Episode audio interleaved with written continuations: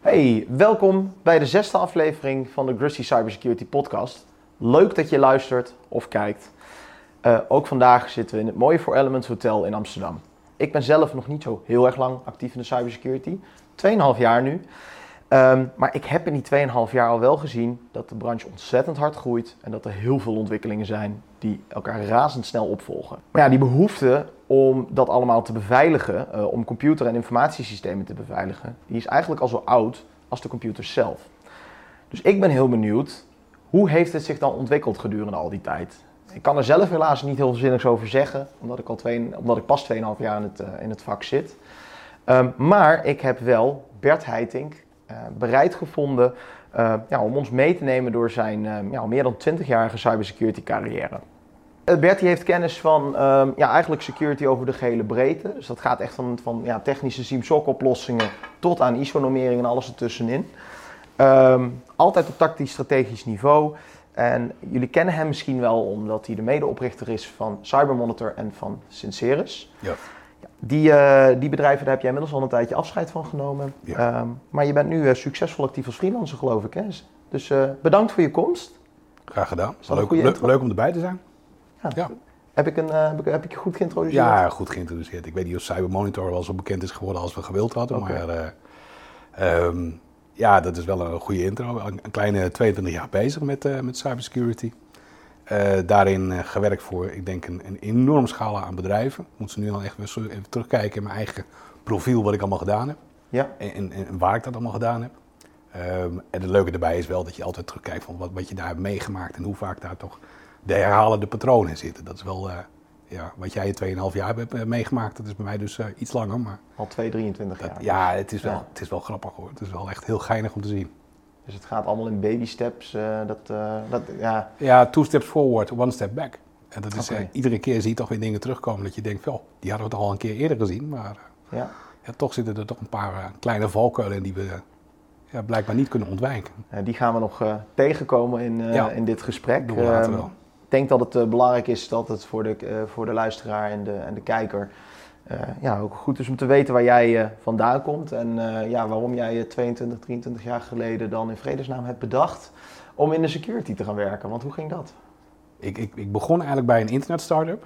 Nadat ik al een tijdje hoofd IT was, ben ik overgestapt naar een internet startup met inbelpunten toen nog in plaats met vaste verbindingen. Dus dat was het begin van het internet in, in Nederland, 97. En die firma verkocht in de tijd ook firewalls om ook de beveiligingen te regelen. En er zaten ook al VPN's bij toen de tijd. En achteraf denk ik wel dat ze een tijd ver vooruit waren. Misschien wel iets te ver vooruit. Maar dat was wel de eerste kennismaking waarin we met name bezig waren met uh, advocatenkantoren en uh, de, de, financials die zich bezig wilden houden met de beveiliging. Waarin we dit soort firewalls en, en VPN-verbindingen aanlegden. Dus dat was wel uh, een hele leerzame periode, wat eigenlijk een, zijtak was van de, de internet-provider-stuk. maar wel heel leerzaam en waardoor ik eigenlijk, toen ik daarmee stopte, de detachering ben ingegaan en uh, projecten ben genoemd rondom security. Want da- daar was uh, bij die eerste organisatie was security wel al een component. uh, Het was een component wat we ja. verkochten, waar we ook advies over gaven. En ik merkte al heel gauw dat, dat daar, daar staat voor mij wel de, de, ja, de meeste uitdagingen en de meeste dynamiek in. Ja, wat, wat waren die uitdagingen dan? Daar. Uh, de onbekendheid van de mensen aan de andere kant van de tafel. En eigenlijk zijn we er 22 jaar later nog steeds mee aan het worstelen. Ja. Want uh, iedere keer als ik uitleg van wat de risico's zijn, dan, dan zie ik bij de mensen, ja, eigenlijk weten we dat wel. Maar dat weten we van in het dagelijks leven ook van andere zaken wel. Uh, maar we hebben heel graag toch wel de neiging, de, de, de ontkenning als bescherming noemen we het altijd. Van, we, doen, we doen gewoon alsof het er niet is, dan is het ook niet zo erg. Oogklep op. Ja, liefste wel, ja. Ja, denk ik ook wel een hele menselijke eigenschap. Het is een menselijke eigenschap. Ja hoor, dat is niet alleen met cybersecurity zo. Dat is ook, uh, Ja. in het dagelijks leven zie je het wel vaker. We, we steken ons kop in het zand en we doen, ja, dat gaan we nog wel doen. Binnenkort. Het is belangrijk, het is niet urgent. Nou ja, en daar begint meestal de ellende. Ja, je hebt het dan denk ik over de wetenschap van gedragsverandering. En dat Ja. is een eh, hele, hele, hele moeilijke. Ja, dat is een diepere. Ja, ja, het is niet mijn vakterrein, maar ik, het is wel waar het uiteindelijk eh, continu weer op, op, op terugkomt. Ja. Eh, de, En je eh, toen... Oh, sorry hoor. Dat ik Ja, je... gaan we. Nee, eh, ja, je vertelde dat je toen we in de um, Detachering. terecht Ja, kwam. ja, ja. Vertel, want eh, dat was ook weer dat is best wel anders dan wat je daarvoor deed. ja, zeker. Ik, eh, ik, ik maakte een grote stap naar detachering, omdat ik merkte dat daarin kreeg je de kans om bij verschillende bedrijven te werken. Ik, ik ging naar, eh, Dat bedrijf bestaat ook al niet meer volgens mij. FlexiT in, in, in Rotterdam. En eigenlijk rolde ik van het ene project in het andere project. En ik, ik, ik kwam eigenlijk in een totaal nieuwe wereld terecht, maar, waar op andere schaal, met andere budgetten, met andere inzichten, de problemen rond cybersecurity werden aangevlogen. En dat, dat trok mij zo ontzettend aan. Daar heb ik ook mijn twee latere zakenpartners leren kennen. van Sincerus. Van Sincerus, ja. ja. En wij zijn na drieënhalf jaar geloof ik weggegaan bij deze detacheerder. Toen zijn we bij een kleinere detacheerder gestart. En toen hadden we eigenlijk al ons achterhoofd al van we willen een keer een eigen bedrijf starten. Maar dan een bedrijf waar we zelf het liefst zouden willen werken. Uh, omdat toen de tijd ook erg de, belang is van ja, de, passie, de dynamiek, waar we zelf eigenlijk nou verlangen in de bedrijven. Hoe, hoe creëer je nou een team? Ja, dat wilden we eigenlijk zelf wel eens een keer uh, realiseren met een eigen bedrijf. Dus in 2004 hebben we die stap maar gewaagd. Met uh, meer enthousiasme dan wijsheid volgens mij. Maar het was wel leuk om als kennismaking te doen. Ja, maar dat was ook best wel nou, best vroeg, denk ik, 2004. Ja. Want ik merk toch wel een hoop van de organisaties met, met wie ik nu werk, of, of hè, die is überhaupt in het werkveld bekend zijn, die zijn grotendeels wel daarna. Ja, veel later. Opgericht, veel later. Ja, ja, ja, we waren best wel uh, vroeg. Misschien wel een beetje te vroeg. Aan de andere kant denk ik dat dat juist de, de leerperiode en de leercurve een beetje vereenvoudigt. Uh, er was niemand die daar zo scherp op let. Tegenwoordig is er een enorme wildgroei aan, aan securitybedrijven. Dus dat maakt het zeker niet makkelijker. Um, hoe um, selecteer je dan de goede en de slechte? Dat blijft lastig. Dat is niet alleen maar door, door de ervaring, maar ook wat, wat, wat kennis hebben ze in huis. Um, we hebben wel uh, een hele gestage groei kunnen doen op die wijze, want we investeren alles met ons eigen geld. Dus we hebben geen, geen moment gehad met, dat we investeerders bij hebben gehad. Pas toen we zijn begonnen met Cybermonitor, toen hebben we een investeerder erbij gezocht. Want voor die tijd was het ook niet no nodig. Uh, en dat betekent dat je ook eigenlijk alle beslissingen zelf kunt nemen. Dus je, je bent zelf verantwoordelijk en je voelt ook zelf de pijn als je een vergissing begaat. Ja. En, die, die ga je begaan, uiteraard. Ja, en, en hoe, hoe ging dat in het begin, 2004? Je richt een, uh, ja, een, een informatiebeveiligingsadviesbureau ja. op? Ja, uh, consultancy. Ja. Consultancy, ja. ja. Welke, welke problematiek kwam je tegen? Wat, wat uh, was de problematiek van, van angst voor hackers. mid 2000? Angst voor hackers, vulnerabilities, de zogenaamde kwetsbaarheden waar we tegenaan lopen, software patches, hackers die binnen kunnen komen, informatie kunnen stelen. Met name het stelen van data was toen nog heel, heel, uh, heel, heel prangend. Um, en ja, e-, eigenlijk ook de onwetendheid hoe je daar op een goede wijze mee om kunt gaan. Dus hoe je beveiliging moet inrichten. En dan ook met een, uh, moet ik zeggen, een, een 24 uur component. Dat je er ook zeker weet dat het 24 uur per dag goed blijft. Zorgen dat die systemen ook up-to-date blijven. Dat je ze aanpast, dat je ze controleert. Um, en dat, daar, dat je voldoet aan een aantal regels. Uh, in, ik geloof in 2008 begonnen de regels voor de gemeentes al. En de ziekenhuizen hadden al een, een NEN 7510. Hè, de normering heb je daarvoor waar je een compliance moet voldoen. Ja, eh, iedereen las dat wel door. En, maar de, de, ja, de, de, de urgentie was er nog niet, laat ik het dan heel erg voorzichtig omschrijven. Ja, dus dat was, is dat dan wel een, een groot verschil van toen ten opzichte van hoe het nu is? is dit... Ja, de urgentie is er wel. Nu is het budget er niet. Oh. en toen waren er genoeg budgetten, maar... Ja, ja maar dat, dat gaat, als het geen prioriteit heeft, ga je daar geen geld in steken. Dat is de, de keiharde realiteit. Ik bedoel, een, gemeente en een ziekenhuis en, en een commerciële firma doen in principe dezelfde analyses. Ja, is het belangrijk? Ja. Is het urgent? Nee. Waar stop ik mijn budget in? Nou ja, zo worden ook de budgetten verdeeld. Dat is uh, naar gelang. Ja. Leuk, dus uh, 2004 is begonnen, toen kwam je al dat soort problematiek tegen. En welke bedrijven melden zich uh, bij je? Of, of, moest je er heel Nou, daar moest, moest, je echt achteraan ja. hoor. Dat, was echt, uh, dat ging niet vanzelf. Um, en we kwamen bij de bedrijven die eigenlijk een, een publieke functie hadden. Uh, je zag veel bedrijven van de overheid. Ehm, ik denk dat rond 2008 begonnen we ook heel nadrukkelijk bij de gemeentes. Ik geloof dat we op, in een bepaalde fase rond de 28 gemeentes als klant hadden waar we ook mensen leefden, die daar ook uh, een soort part-time uh, security officer rol vervulden. Uh, daar hebben we een heleboel van gehad. heel veel van die security officers die we op part-time dag in de week, twee dagen in de week lieten ondersteunen. Um, daarnaast hadden we een pentestteam, die ook penetration tests uitvoerde bij klanten om te zien of daar kwetsbaarheden zaten. en daar zaten ook heel veel verzekeringsmaatschappijen, beleggingsmaatschappijen bij, die ook applicaties begonnen te bouwen voor allerlei platforms. Um, en ja, uiteraard de financials, de, de, grote corporate bedrijven. En dan moet je denken aan de banken, de, de grotere verzekeringsmaatschappijen. Maar ook uh, ja, de, de, de, Belastingdienst. Dat, uh, dat waren de partijen die wel bewust waren van de risico's die internet met zich meebrengen. En dat ze een, een, een target waren iedereen dacht toen nog van het gaat om mensen die belangrijk zijn waar wat te halen valt.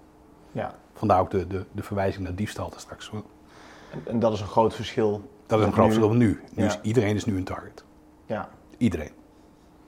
Ja, ja dat is eh, heel spannend inderdaad. Ik, ik, ik weet nog wel, toen- voordat, voordat ik begon, dat het ook een beetje het idee was wat ik had. Of eigenlijk voordat, niet voordat ik begon, maar wel de- de- toen het, het werkveld wat bekender werd. Wat Ja. vaker in de media kwam.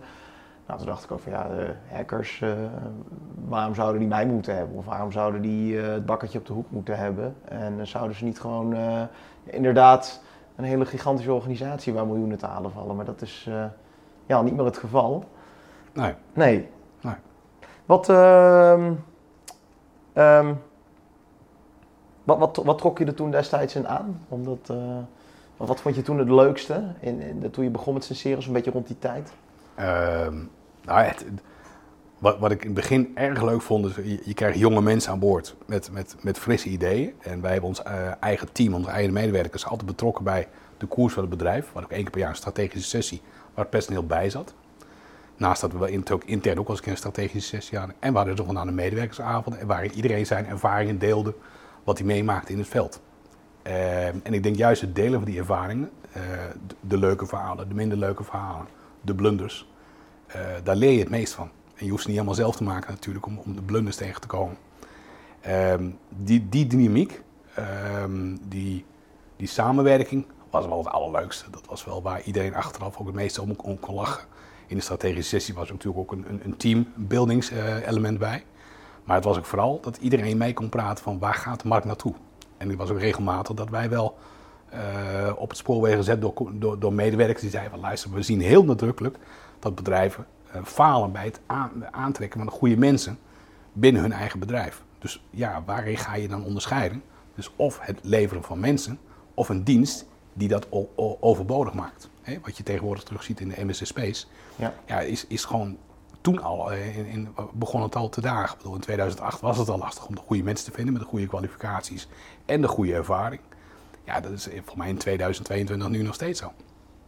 Misschien nog wel moeilijker. Ja, misschien is het moeilijker geworden, maar Ja. ja, de, de, de, de markt is groter, alleen ja, de vraag is veel malen groter. Dus ja, het is alleen in proporties is het toegenomen. Ja.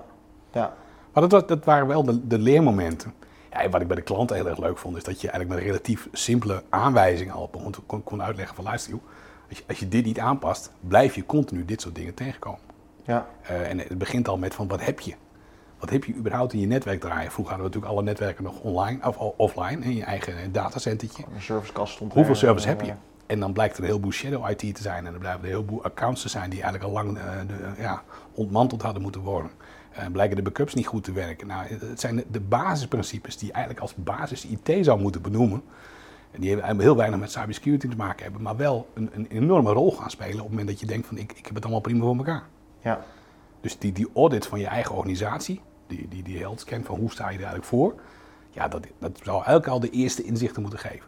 En de waarheid is, nou, als dat niet afgedwongen wordt met regelgeving, met compliancy vanuit de overheid of vanuit een brandsorganisatie, dan zie je dat organisaties toch heel vaak dat even op de lange baan schuiven. Dat vinden ze wel belangrijk, maar het is niet urgent. Want, en dan komt die klant, en dan komen de leveranciers, en dan komen andere issues, en dan komen de budgetvraagstukken. En dan, er is altijd wel een probleem wat op dat moment urgenter is. En dan verdwijnt het. ja. Dus dat speelveld, daar zat je met Sinceros toen ook nog heel erg eh, in. dat, ja. dat zagen we continu terugkeuren. Ja, dat gaan we doen. Ja, dat gaan we doen. Eh er komen de volgende maand bij je op terug. Dan, dan, dan weet je dan niet urgent. Dan, kun je er wel van, dan weet ik eigenlijk al, dat de, de urgentie zit niet op het goede level. Ja. En hoe, hoe- wat, wat, wat moest je toen doen om dat eh, op een hoger level te krijgen, die urgentie? Was dat te doen? Of was je toch Ehm, een beetje afhankelijk van je klant? Je moet ze nu een beetje bluffen. Eh, we hebben ook wel eens een keer gezegd van luister, zullen we gewoon eens een scan doen op onze kosten. En eens even kijken wat wij van de buitenkant allemaal kunnen zien. Dat je enig besef hebt waar je staat. En eh, zo'n penetratietesten, dan, dan ga je uiteraard niet naar binnen toe en dingen ver- vernielen. Maar je laat even zien hoe makkelijk het is om binnen te komen en informatie te vergaren over een bedrijf. Dat geeft tot een bepaald level wel de, de bewustzijn. Waar, waar het heel vaak eh, blijft hangen is op het middelmanagement. Die dan niet tegen, het hogere management durft te vertellen van luister, zo goed als we denken dat we zijn, zijn we niet. Eh, en die communicatie, dat is het meest spannende. Ja, oké. Ja, dat, eh, je bent, je hebt dat, nou, dat heb je een tijdje succesvol gedaan. Ja. Op een gegeven moment ben je gestopt. Ja, we, we hebben twaalf jaar ben ik er geweest. Ja. Ehm, en Cybermonitor uh, werd ook geprofessionaliseerd. Er kwam een investeerder bij. En, dat veranderde eigenlijk de koers van het bedrijf. Wat, wat deed Cybermonitor trouwens? Cybermonitor was, was een, een, zijstap, omdat we doorgaan in de consultancy-tak is het gelimiteerd. Hè. We zagen dus een tekort aan mensen, begon zich ook te, te manifesteren in de security monitoring. Uh, een tak van sport waar ik al de hele tijd in meeliep en ook aan, een flink aantal projecten had gedaan. Uh, daar heb ik ook een buitenland projecten voor gedaan met, met, met het aanleggen van een continue monitoringlaag van hoe zit je security in elkaar. En al door die correlatie te leggen in beeld te krijgen van wat moet er gebeuren of waar word ik op dit moment door bedreigd. Um, en we merkten dat het vinden van goede security analisten was echt, was echt een, was, was enorm lastig. Uh, niet alleen voor bedrijven, maar ook voor ons. Dus op een bepaald hadden wij het idee opgevat, we luisteren, we moeten die markt omdraaien. Je moet een, een dienst gaan bedenken waarin bedrijven dat gewoon kunnen outsourcen. Hè. Neem een MSSP en die gaat jouw security monitoring doen. Nou, dat is bij grote bedrijven was het al van toepassing. In 2012 hadden wij bedacht van, eh, in een strategische sessie trouwens, misschien moeten we dat gaan aanbieden voor het MKB. Uh, en waar halen we dan wel de goede mensen vandaan? Daar hebben we echt wel over nagedacht. Van, ja, dat, dan moet je ook, als je hetzelfde doet wat alle anderen doen, dan blijf je hetzelfde probleem creëren. Uh, dus we hadden besloten om een, een MSSP op te zetten in Enschede. Precies aan de andere kant van het land dan waar iedereen zit. Uh, waar wel een, uh, een, een, hogeschool zit en een universiteit die zich bezighoudt met informatiebeveiliging. en daar op die manier de, de pool van mensen te vergroten. Plus dat de mensen die daar studeren de kans krijgen om niet uit Twente weg te gaan, maar gewoon daar te kunnen blijven wonen en te gaan werken. En niet allemaal naar de Randstad hoeven te trekken exact, als ze daar geen behoefte aan hebben eigenlijk. Ja, dat was toen de tijd ook al een, een, een topic wat vanuit de provincie werd gesupport. Dus dat werd de locatie in Enschede. En daar hebben we ook met de investeringsmaatschappij over gehad en die, die ondersteunde dat. Dus we hebben een apart pand gehuurd in Enschede om daar de hele cybermonitor tak op te zetten. Nou, dat betekent dus wel dat in één keer twee kantoren hangen. Dat betekent dat je je, je personele omzet en de belasting vergroot. En op een moment ben je alleen maar een directeur. Dus dat was eigenlijk het moment dat ik in, in 2015 tot de conclusie kwam van ja, ik vind dit werk leuk, maar alleen maar een beetje als een directeurtje rondrijden, dat is het niet voor mij. Nee. Dus dat was ook een moment dat ik tegen, eerst tegen mijn twee zakenpartners gezegd heb van nou, ik denk dat ik maar eens een keer wat ga doen, maar dan voor me anders. En uh, die begrepen dat. Maar we hebben dat wel even in, in, een, ja, ik geloof in een tijdslijn van zeven maanden uitgezet voordat we dat daadwerkelijk hebben geëffectueerd. Ja, want jij wilde op dat moment echt wel de inhoud. Uh, ja, ik wilde terug naar de projecten. En ik had ook al vrij snel zoiets van, misschien moet ik gewoon teruggaan naar hetgene wat ik het allerleukste vind dynamiek met mensen en dat is gewoon projecten.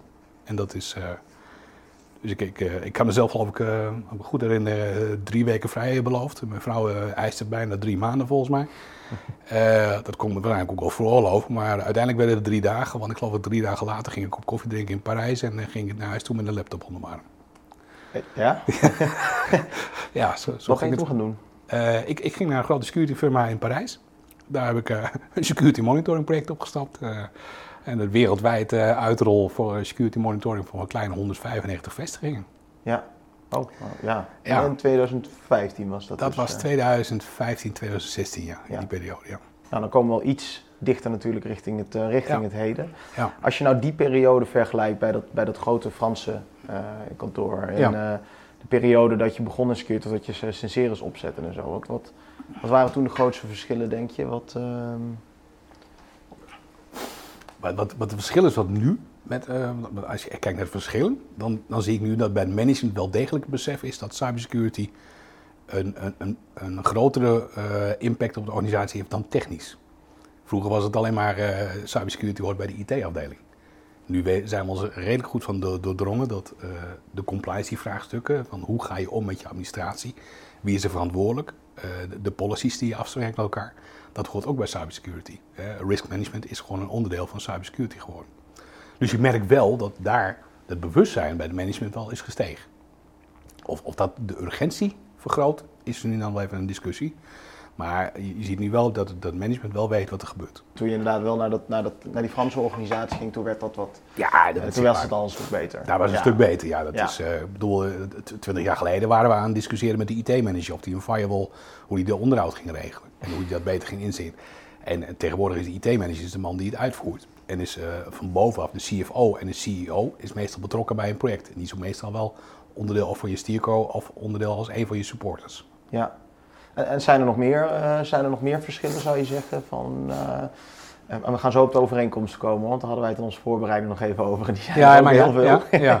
Ehm, eh, maar zijn er, eh, ja, zijn er behalve die, die, die, die benadering, dus dat wat meer eh, het besef, zeg maar, dat, dat is er nu vaak. Ja. Je ontkomt er ook niet meer aan. Je, Nee. De media is er vol mee. Je hoort eh, allerlei spannende verhalen erover. Eh, het- begint zelfs een beetje, nou ja, soms dat zelfs wel iets te smeuig te worden in sommige gevallen. Ja, Ehm, maar feit is wel, iedereen weet er nu van. Ehm, ja het, wordt bijna als een, eh, als een heel, heel spannend topic neergezet, terwijl het eh, 9 van de 10 keer helemaal niet zo spannend is. Ehm, als ik met name naar de media kijk, dan denk ik bij mezelf, heb je überhaupt een idee waar je het over hebt? Maar goed, dat is blijkbaar eh, het eigen van de media. Wat ik wel zie, is het grote verschil is, eh, de risico's zijn veel groter. En die moet je bijvoorbeeld denken aan een verzekeringsmaatschappij. Accepteert niet dat een bedrijf, eh, zonder de cybersecurity goed geregeld te hebben, daar een verzekering wil afsluiten. Je ziet ook een aantal eh cybersecurity bedrijven nu de samenwerking zoeken met verzekeringsmaatschappijen om op die manier eh, het besef en, en de, eh, de, het vertrouwen terug te krijgen bij de bedrijven. Dus zorg dat je cybersecurity op orde hebt met de verzekering en de technische hulpmiddelen. ja. Ehm, Dus je kan dan zeggen als organisatie, kijk, wij werken met ja, deze partij, Ja. dus onze security is goed, dus je kan ons verzekeren. Ja. Dat, eh, ja. En dat is eigenlijk een aantal jaren geleden al begonnen en dat wordt steeds, eh, ja, wordt steeds zichtbaarder. Eh, de, de, de banken zijn wat strenger. Je ziet de accountskantoren nu ook daadwerkelijk wat toezicht houden van wat doe je eigenlijk daadwerkelijk in je budgettering rond cybersecurity. Nou ja, er zijn natuurlijk wel boekhoudtrucjes bij hoe je dat, hè, wat normaal een IT-projectje, maar het heet in één keer een cybersecurity projectje. Dat snap ik ook wel hoe die dingen werken ondertussen. Ehm, maar dat, je merkt wel dat dat besef, ook op, op hoger niveau en vanuit overheid en van allerlei brandsorganisaties, worden er steeds meer eisen gelegd. Van luister, je kunt niet meer op de oude manier doorgaan zo- zoals je dat al die tijd hebt gedaan en dacht dat jij geen target was. En- En heel veel incidenten helpen natuurlijk ook. Ehm, kijk, eh, een, een wat ik eigenlijk wel een van de meest spannende incidenten vond van de, van de afgelopen tien jaar.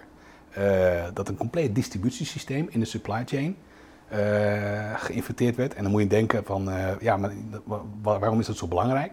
Tot die tijd dacht iedereen aan zijn eigen beveiliging. En waren we alleen maar bezig met, ik moet mijn beveiliging op orde hebben met mijn medewerkers, dat ze niet op linkjes klikken. Dat zo. Alleen je hebt een aantal leveranciers, want dat was de, de achterliggende business case van NotPetya, is de leverancier van de software werd geïnfecteerd om een daadwerkelijk distributiebedrijf. En dan moet je denken aan de transportbanden, onder andere op het vliegveld van Kiev, waar ik toe geweest ben.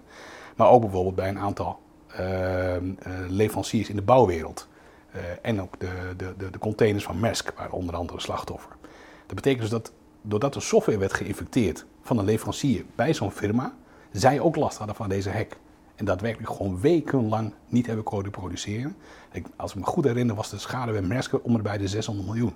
Ja, dan heb je toch serieus wel een incident waar mensen gaan nadenken. Wacht even, dus het gaat niet alleen meer om mijn beveiliging, van de insiders, outsiders, maar ook mijn leveranciers, die ik blijkbaar niet altijd 100% kan vertrouwen.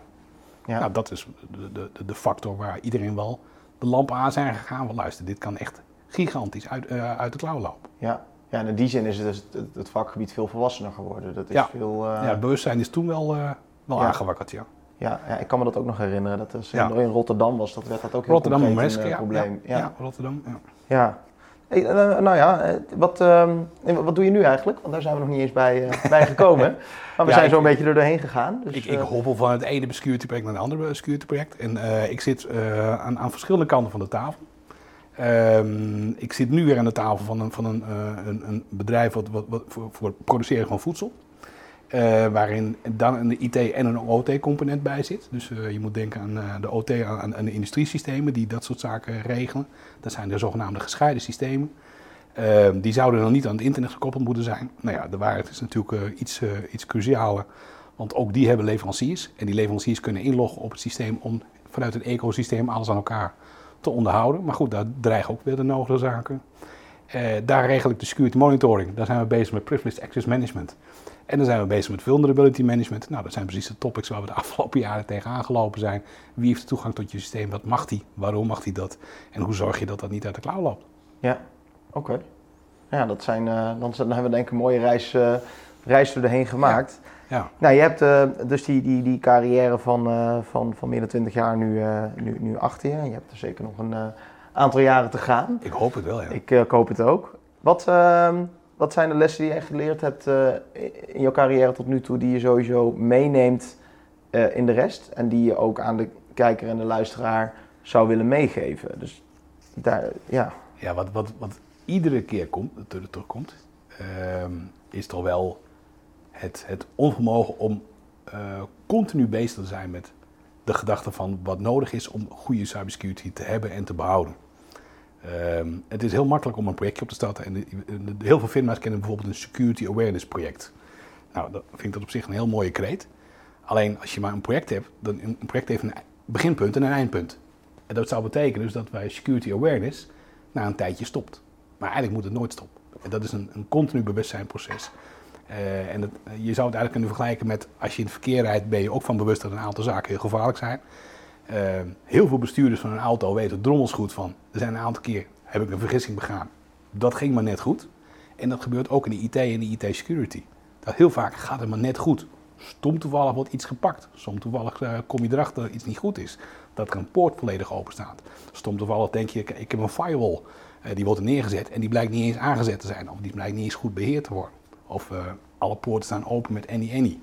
Oh, lekker man. Waarom heb je dan een firewall? Dat is het niet nodig. Dat is net of je een garagedeur openzet. Maar ik heb een garagedeur, maar ik gebruik hem niet. Ja. Dat is wat je toch nog steeds heel vaak voorbij ziet komen. En vaak gaat het goed. Maar wat als het misgaat? En, en blijkbaar is dat bewustzijn na een tijdje vervlauwt dat. Uh, worden we meegesleept in de drukte. En dat zijn wel de lessen die we geleerd hebben van de, van, van de afgelopen 20 jaar. Ik zeer zeker. Want ik kijk al naar het proces. Hoe controleer je of iedereen nog steeds volgens het proces werkt? Hoe zorg je dat dat altijd weer blijft terugkeren? En dat is, dat is een bewustzijnmoment. Dat, is, dat heeft niks te maken met um, een goede technische beveiliging. Want dan denk je dat de beveiliging het voor jou op gaat lossen. Maar het zit aan de ene kant altijd bij de mens. Hoe ga je om met je wachtwoorden? Hoe kan het nou zijn dat we jaren later, ik bedoel, het Hof van Twente, ik heb het er straks al even voor de grap even genoemd. Hoe kan het dat iemand met zo'n simpel wachtwoord als administrator dat instelt? En heeft niemand dat gezien? Dan kun je zeggen van ja, we doen allemaal ons best en we zijn allemaal druk. Dat klopt. En ik snap dat iemand een fout maakt en we moeten vooral niet een blaming en shaming gaan doen. Je moet wel nagedenken, hoe hadden we het kunnen voorkomen?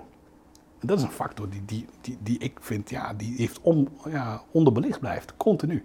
Eigenlijk moet je een standaard agendapuntje in je, in je agenda hebben, elke maand. Van, zoals ik even heel streng kijk naar onze cybersecurity, zijn er wijzigingen geweest.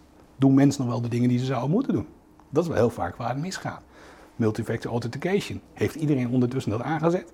Nou, ik, ik, ik ben heel benieuwd of, of uh, de kijkers en de luisteraars van deze podcast bij zichzelf dat überhaupt al aangezet hebben op een LinkedIn profiel. Drie van de mensen hebben dat niet. Het kan. Ja. Maar ja, doe je het? Ja, dat is wel lastig, want ik heb het op mijn telefoon en op mijn iPad en op mijn MacBook. En ja, en zeg wat lastig wordt, wijken mensen toch weer uit. En dat is toch de ontkenning waar ik het net over heb, als bescherming. Ja, en het is ook een beetje die, die twee, stappen vooruit, of, uh, twee stappen vooruit, één stap terug die heeft gebeurd. Het gaat heel mondjesmaat en op een gegeven moment accepteren mensen het wel. Ja. Uh, maar het moet inderdaad niet uh, te moeilijk worden. Nou ja, als, je, als je, je zegt multifactor authentication, ja. beginnen mensen te denken aan hele ingewikkelde systemen. Terwijl tegenwoordig de telefoons uitgerust zijn met gezichtsherkenning. Dus in theorie zou je heel veel dingen kunnen doen. Doe gezichtsherkenning en een pincode. Heel veel mensen die je ken hebben volgens mij alleen maar gezichtsherkenning aanstaan bij hun telefoon. Ik heb daar altijd nog een, een pincode bij. Maar goed, dat is mijn, uh, mijn, trauma. Waarom doe je dat? Even, even kort tussendoor. Uh, nou, ik heb liever niet dat als ik uh, aangehouden word in een. Ik, ik, kom ook in landen die niet zo vriendelijk zijn. Hè. Het is niet dat ik mijn overheid niet vertrouw. Ik twijfel wel eens, maar er zijn overheden in andere landen die ik zeer zeker niet vertrouw. Hm. En als die mijn telefoon voor mijn gezicht houden, dan is mijn telefoon ontgrendeld. Nou, dat is voor mij eigenlijk een nachtmerrie. Ik moet zeggen, daar zit echt alles in. Ja, ja logisch. Ik, ja. ik snap hem, ja. Dus, okay. de, dus ja, de, de lessons learned voor hoe ga je om met beveiliging zit gewoon tussen je oren. En dat, aan het eind van de rit begint het altijd weer. Ben jij je bewust van welke risico's je loopt als je iets niet oplost? Nou, dat is, dat is de cruciale factor. Ja, en dat is dus echt gedurende die 20 jaar, dat is nooit veranderd. Dat is altijd de belangrijkste, de leidraad geweest. De, waar we in ieder geval mee door moeten gaan in, het, in de toekomst. Ja, het, het, de mooiste voorbeelden zie je gewoon in de praktijk. Um, als een backup niet werkbaar is of niet meer werkt, hè, want die is ook geïnfecteerd met ransomware, dan denk ik mezelf, dat had je kunnen checken. Dat had je gewoon kunnen checken. En, en toen ik begon in IT, niet met de IT-security, maar in de IT al, toen hadden wij als procedure elke maand om te kijken van ik pak één faaltje van mijn backup. Iedere maand zet ik dat ene faaltje of een ander faaltje ik terug. Of die het doet. Hoe simpel is het? Eén, train je dan jezelf hoe makkelijk kun je backup terugzetten, hoe lang duurt het überhaupt. En dan merk je een beetje backups een beetje vollopen. En twee, je kijkt of je backup goed is. Ik denk dat drie keer van de mensen dat niet doen. Wie maakt nog een backup van zijn bestanden en zet het in een, uh, in een harde schijf in zijn kast? De, de echte diehards doen dat. Ik heb letterlijk een agendapunt één keer in de zoveel tijd in mijn agenda staan. Maak een backup en dan Ja. doe ik dat. En dan eh, dat, dat ding leg ik ergens anders neer. In de kast. Eh, ja, ja. Nou ja, top. Ik, ik, ik, heb jij nog meer lessen om te delen? Denk je dat je er wel een eh nou ja, kijk, bent? wat zijn de echte targets bij een bedrijf? Dat zijn de, de administrators. En er zijn een aantal routes hoe kun je administrator worden in een bedrijf. En er is ook een aantal routes om te voorkomen, om te monitoren hoe dat gebeurt. Ik doe nu een PAM-project, een Privilege Access Management. Dus alle users die privilege, eh, die, die verhoogde rechten hebben op een systeem. Eh, denk aan een beheerder van een firewall, denk aan de beheerder van een AD, denk aan de beheerder van een systeem. Die wil je voorkomen dat die eh, misbruikt worden. En om dat te voorkomen laat je ze gewoon via een systeem inloggen. En dat alles, al de acties van een administrator gemonitord worden, inzichtelijk gemaakt worden. Gekoppeld zijn aan bijvoorbeeld een change request. Dus eh, als het goed is, krijg je niet eens toegang tot het systeem. Tenzij je een change request hebt gedaan. Of je vraagt een, eh, een, een incident aan en dan is het een urgency. Maar goed, dan wordt er nog steeds gemonitord wat er gebeurt. Dat is uiteindelijk waar je naartoe wilt, want dat zijn je meest kwetsbare groepen. Zo'n administrator kan niet eens normaal inloggen, kan alleen maar inloggen via een PAM. Het zijn simpele tools, eh, simpele processen en het is het enige, iedereen moet eraan meewerken. Ja, Dan werkt dat. ja. Nou, ik, eh, ik vind het hele waardevolle lessen voor, eh, Ja, voor onze kijkers en luisteraars. Dus eh, heel erg bedankt dat jij ons mee wilde nemen graag gedaan. door, door jouw carrière. Zodat we ook ja, een, een beetje weten wat er, wat er 20 jaar geleden speelde en wat nog steeds belangrijk is en dat we er wat van kunnen leren. Ja, Dus dankjewel voor je komst. graag gedaan. Ehm, nou ja, als, als jij nou nog vragen hebt voor mij of voor Bert zelf, dan zou ik zeggen, eh, Bert kun je vinden op, eh, op LinkedIn. Ja hoor. Eh, mij kun je vinden op mijn website www.grussy.works, waarmee je rechtstreeks een afspraak met mij in kan plannen. Ehm, ik wil je heel erg bedanken voor het kijken en of het luisteren naar deze podcast. En ik zie jullie heel graag in de volgende. Hoi hoi!